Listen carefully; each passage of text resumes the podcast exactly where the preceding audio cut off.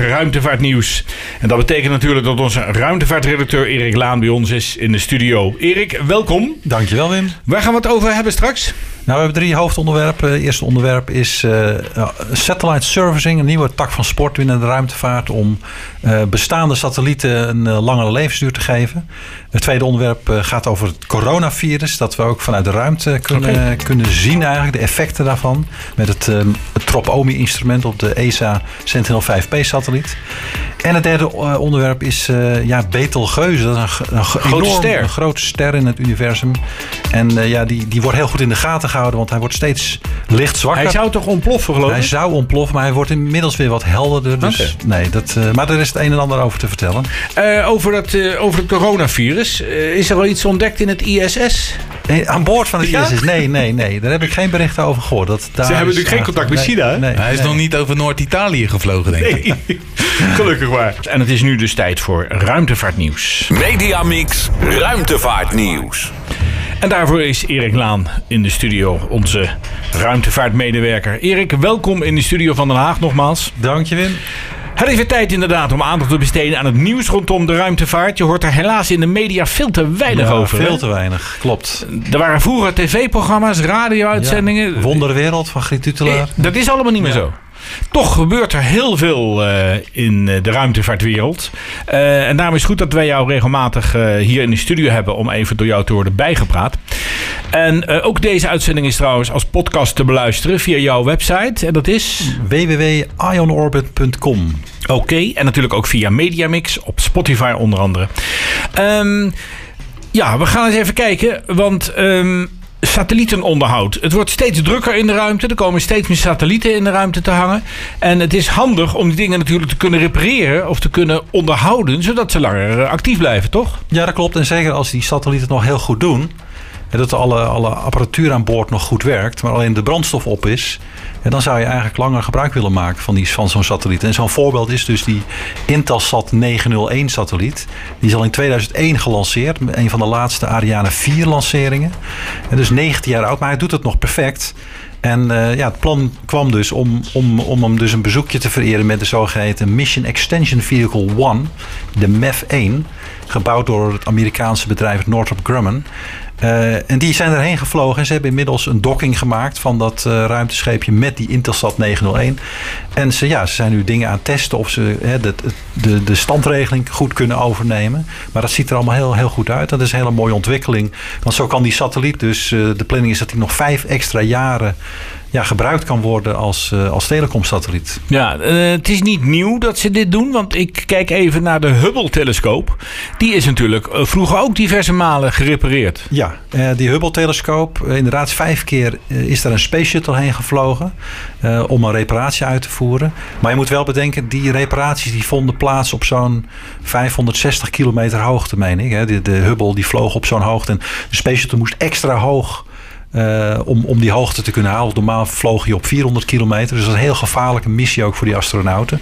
Maar deze Intelsat 901 die zit in de geostationaire band op 36.000 kilometer. Veel hoger. Ja, dus vele malen hoger.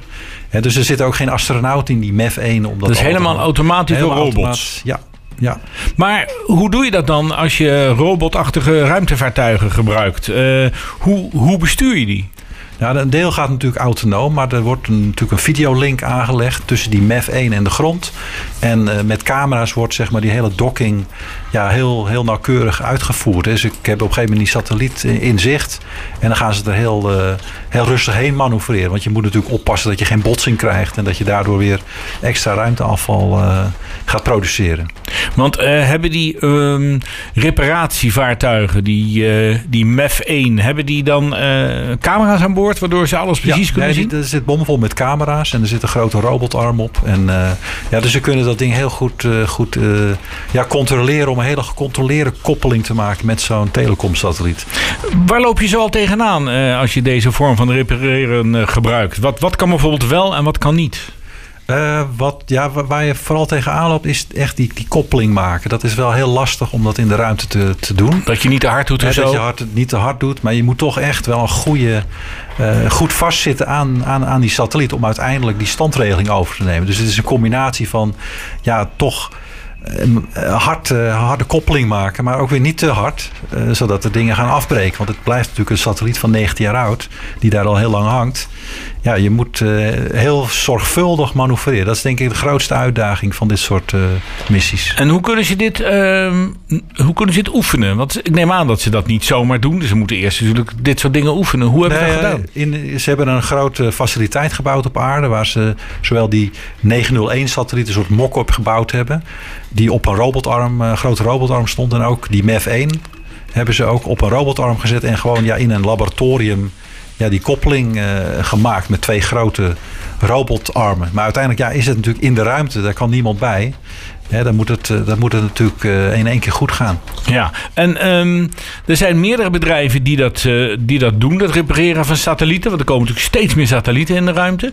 Ehm, behalve die commerciële bedrijven, Northrop Grumman en dat andere bedrijf wat je net noemde, ehm, eh, heeft ook bijvoorbeeld de NASA iets ermee gedaan, tot nu toe begrijp ik. Ja, de- die, die gaan een missie doen. Dat heet Restore L. Maar die gaan het En doen. die gaan een zogeheten refueling missie.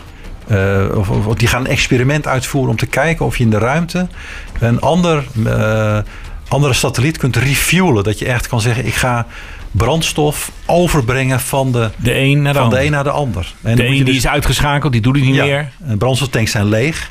Je koppelt aan en je gaat die brandstoftanks bijvoorbeeld vullen met brandstof die je meegenomen hebt.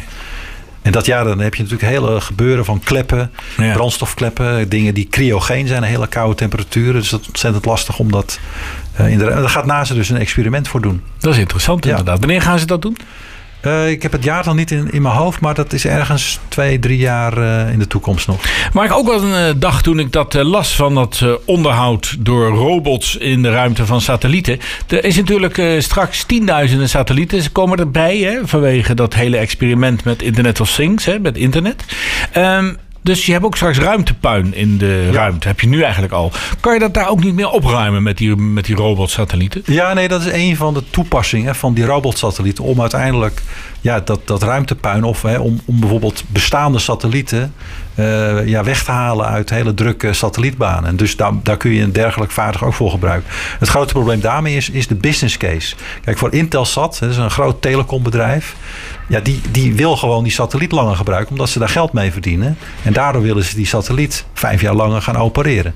Ja, een satelliet die het niet meer doet en die een gevaar vormt voor andere satelliet, ja, daar wordt geen geld mee verdiend. Nee. Ja, dat, dat, Dat is, dat is, dat is commercieel dat niet is interessant. commercieel niet interessant. Dat is, Nee. dat is het grote probleem van ruimteafval. Ja, dat het commercieel niet interessant is. Ja. Ehm, we gaan even naar een ander onderwerp, eh, Erik. Ehm, het coronavirus. Toch gaan we het er nog even over hebben. Ehm, want er is een Nederlands instrument, de tropomie. En die heeft een beetje een positief effect op het coronavirus. Vertel. Ja, positief effect. nou ja, Tropomi, dat is een, een instrument. Inderdaad, in Nederland is dat eh, gebouwd. En dat, dat instrument is in staat om vanuit de ruimte de hele wereld in kaart te brengen wat betreft luchtkwaliteit. Met een hele grote spatiële resolutie. Het, in- dit instrument is in 2017 gelanceerd op de Sentinel 5P-satelliet. Een ESA-satelliet.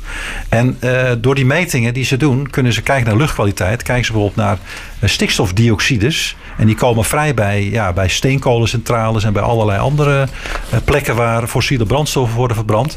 Wat ze nou met dat instrument gezien hebben, inderdaad, is in China, in die, in die regio waar het coronavirus heeft toegeslagen, dat, ja, dat je daar ziet dat eigenlijk de hele economie stilstaat. En daardoor ook die NO2-concentraties heel laag zijn. En je ziet daar dus echt het effect van, die, van het coronavirus op die economische activiteit, hè, waargenomen door eh satellietinstrument. Ja, ja. Oké. Nou ja, dat is eh, toch wel interessant dat je dat helemaal kan volgen dan op die Ja. manier. En dan zou je dus de hele economie moeten stilleggen. dan ben je van het hele probleem af. Maar dat wordt een beetje lastig, denk ik. Ja. Goed, dankjewel eh Erik. We gaan straks eh, uiteraard verder praten met jou. Want jij hebt nog veel meer te vertellen over het ruimtevaartgebeuren. En we gaan nu even naar de sterren toe. Trouwens, we praten met Erik Laan, onze speciale ruimtevaartredacteur.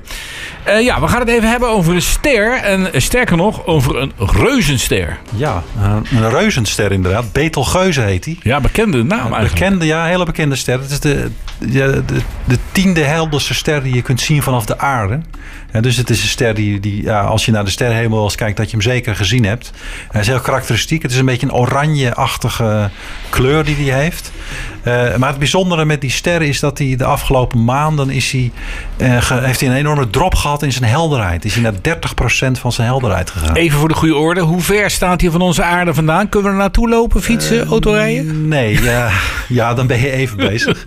Want hij staat op een afstand van 700 lichtjaar. 700 lichtjaar? Ja, dus dat betekent dat het licht wat we van die ster zien nu, dat is in 1320 uitgezonden. Zo. Dus hij is... dat, dat licht, dat zien we nu met ons oog. Dus je kijkt dan eigenlijk terug in de tijd kijkt, als je hem ziet. Je kijkt terug in de tijd. En dat licht, ja, dat gaat 300.000 kilometer per seconde. Zo. En zeven rondjes om de aarde in één seconde. Zo hard gaat dat licht. Nou, als je dat even 700 jaar volhoudt, heb je de afstand van okay. hier naar de ster Betelgeuze. Toch kunnen wij hem heel goed zien. Dus hij ja. is heel groot. Hij is heel groot. En heel lichtsterk. Ja. En wat is er dan met dat licht uh, aan de hand? Wat, wat gebeurt er met dat ding? Nou ja, dat ding, uh, het is een enorme grote ster. Uh, hoeveel, hoe, hoeveel groter dan de zon is die? Um, hij is maar 11 keer zo zwaar, dus dat valt wel mee. Maar de grootte van die ster, hij is zo groot. Stel dat, die, hè, dat de zon niet in ons zonnestelsel zou zijn, maar die ster. Dan zou Jupiter in, in de ster zitten, zeg maar in de, in de zon. Oké. Okay. Zo groot is die. Zo groot is die. Ja, dus dan zit de aarde daar helemaal midden helemaal in. midden in. Ja, ja. dus ja, het is een enorme, enorme uh, grote ster. Um, ja, en die ster die staat zeg maar qua, qua berekeningen staat die op, uh, op ontploffen eigenlijk. En, en wat er dan gebeurt is dat je een enorme lichtbron aan de hemel krijgt. Een supernova heet dat. En dat je dus s'nachts ja, dat je dat, je, dat lantaarnpaal niet meer aan hoeft. Dat je dan een, een zon hebt aan de hemel, een tweede zon. Maar ja, hoe lang duurt dat dan, zo'n zo'n ontploffing, zo'n supernova? Nou, die, die ontploffing zelf duurt een week of drie. Okay. Dat, je, dat je die heldere ster zeg maar, ziet aan de hemel. En dan uh, wordt hij heel licht zwak. Maar ja, het is onduidelijk wanneer dat plaats gaat vinden. En doordat hij zo uh, ja, de, de lichtsterk zo afnam waren er heel veel mensen die hey, hij, gaat, hij gaat straks ontploffen. Maar ja, straks kan ook nog over 10.000 jaar precies, zijn. dat kan ook over 10.000 jaar zijn. ja. Maar goed, het is echt wel een, een, een teken hè, dat, dat die ster aan verandering onderhevig is. Dat die wel bezig is om te gaan ontploffen. Want uh, uh, raakt dan zijn brandstof op of zo? Ja, zijn brandstof uh, raakt inderdaad op. En dan, dan uh, ja, hij stuit, uh, stoot heel veel stof uit, zo'n ster. En dat is ook de reden dat ze die, die, die, ja, die ster dus minder fel zien. Dat er heel veel stof om die ster heen hangt, die dat, al dat licht tegenhoudt. En dan, um, die kern is heel zwaar. Ja. En als hij dan niet meer sterk genoeg is, dan implodeert hij. Ja, dus in die ster daar, daar heb je het kernfusieproces. Dat bijvoorbeeld waterstof, waterstofkernen samenvoegen tot, tot helium. Nou, daar ontstaat heel veel energie bij. Uh, maar als op een gegeven moment die brandstof op is, en in Betelgeuse is, uh, is de waterstof al op, maar zijn al met andere elementen bezig. Als er op een gegeven moment de brandstof op is, ja, dan, dan komt er geen licht meer uit. Maar dan is er alleen nog de zwaartekracht aanwezig. En die zorgt ervoor dat die hele, die hele ster zeg maar, naar elkaar toe trekt. En ja, dan, dan ontstaat op een gegeven moment die explosie. En wat er dan overblijft is waarschijnlijk een zwart gat bij Betelgeuse. En dat is een, ja, een zwart gat is een plek waar, je, waar zelfs het licht niet ontsnapt. Nee, daar kan je, dat kan je nooit inkijken. Daar kun je niet inkijken. Jij ziet iets zwarts. En ja, stel dat je op het oppervlak staat van een zwart gat, wat natuurlijk niet kan. Maar je hebt je laserpointer bij en ik probeer jou in je, in je, in je gezicht te schijnen. En dan zie je zo die bundel van dat laserlicht zo boep ja. in, in, in, in de grond verdwijnen weer. Maar ik begrijp dat sinds eind februari er toch weer geruchten zijn dat dat weer niet doorgaat, die naderende dood van de Betelgeuze. Precies. Op Twitter kun je die ster heel goed in de gaten houden. Op Betelgeuze, uh, Betelgeuze nog iets. Uh, houden ze die ster heel goed in de gaten. En ze zagen inderdaad op een gegeven moment 30% van zijn helderheid, normale helderheid had. En dat is nu weer teruggeklommen naar 40%. Dus okay. dat, hij, hij, komt weer een beetje tot leven, hè, zo te speak. Ja, dus het kan ja, nog echt het kan nog heel, lang duren. duren. Ja, het kan nog heel lang duren. Maar wat hebben wij eraan, fysiek? Niks toch? Nee, fysiek niks. Het is leuk. Als hij straks ontploft, ja, dat moet een fantastisch uh, schouwspel zijn. Ja, dan heb je natuurlijk drie weken lang uh, ja. Daglicht ja. over, de, over de hele aarde. Ja, en, en ook de wetenschappers, hè, dan, dan zien ze ja. voor het eerst een echt een. Het is dan nooit eerder gebeurd dat ze het gezien hebben? Nou, ze hebben het wel eens waar. Uh, in 1987 hebben ze een supernova waargenomen, maar in een ander sterrenstelsel. Oké. Okay. Dus dat is op uh, miljoenen lichtjaren afstand. Veel dit, verder weg. Veel verder weg. Maar dit is op uh, 700 lichtjaar. Om de hoek. Om de hoek, ja. Dus dat, dat, dat, dat moet fantastisch zijn. Ik hoop dat het gebeurt. Ja. ja. Nu we toch met sterren en planeten bezig zijn. Uh, ik hoorde dat de aarde een tweede maan heeft blijkbaar. Hoe zit dat? Ja, er was eh, ergens begin februari he- hebben ze een, eh, met, met telescoopwaarnemingen een heel klein rotsblokje gezien van eh 2 keer 3,5 meter. Van 2 meter keer 3,5 meter. Dus echt een piepklein klein stukje rots. En ja, dat is ingevangen door de aardse, aardse zwaartekrachtsveld. Ja. En die gaat waarschijnlijk ook weer loskomen. Want hij is heel licht gebonden aan de aarde. Hij heeft een, een omlooptijd van ongeveer een jaar hè, om de aarde. Hè, de, maand, de maan heeft een maand ongeveer, 28 dagen.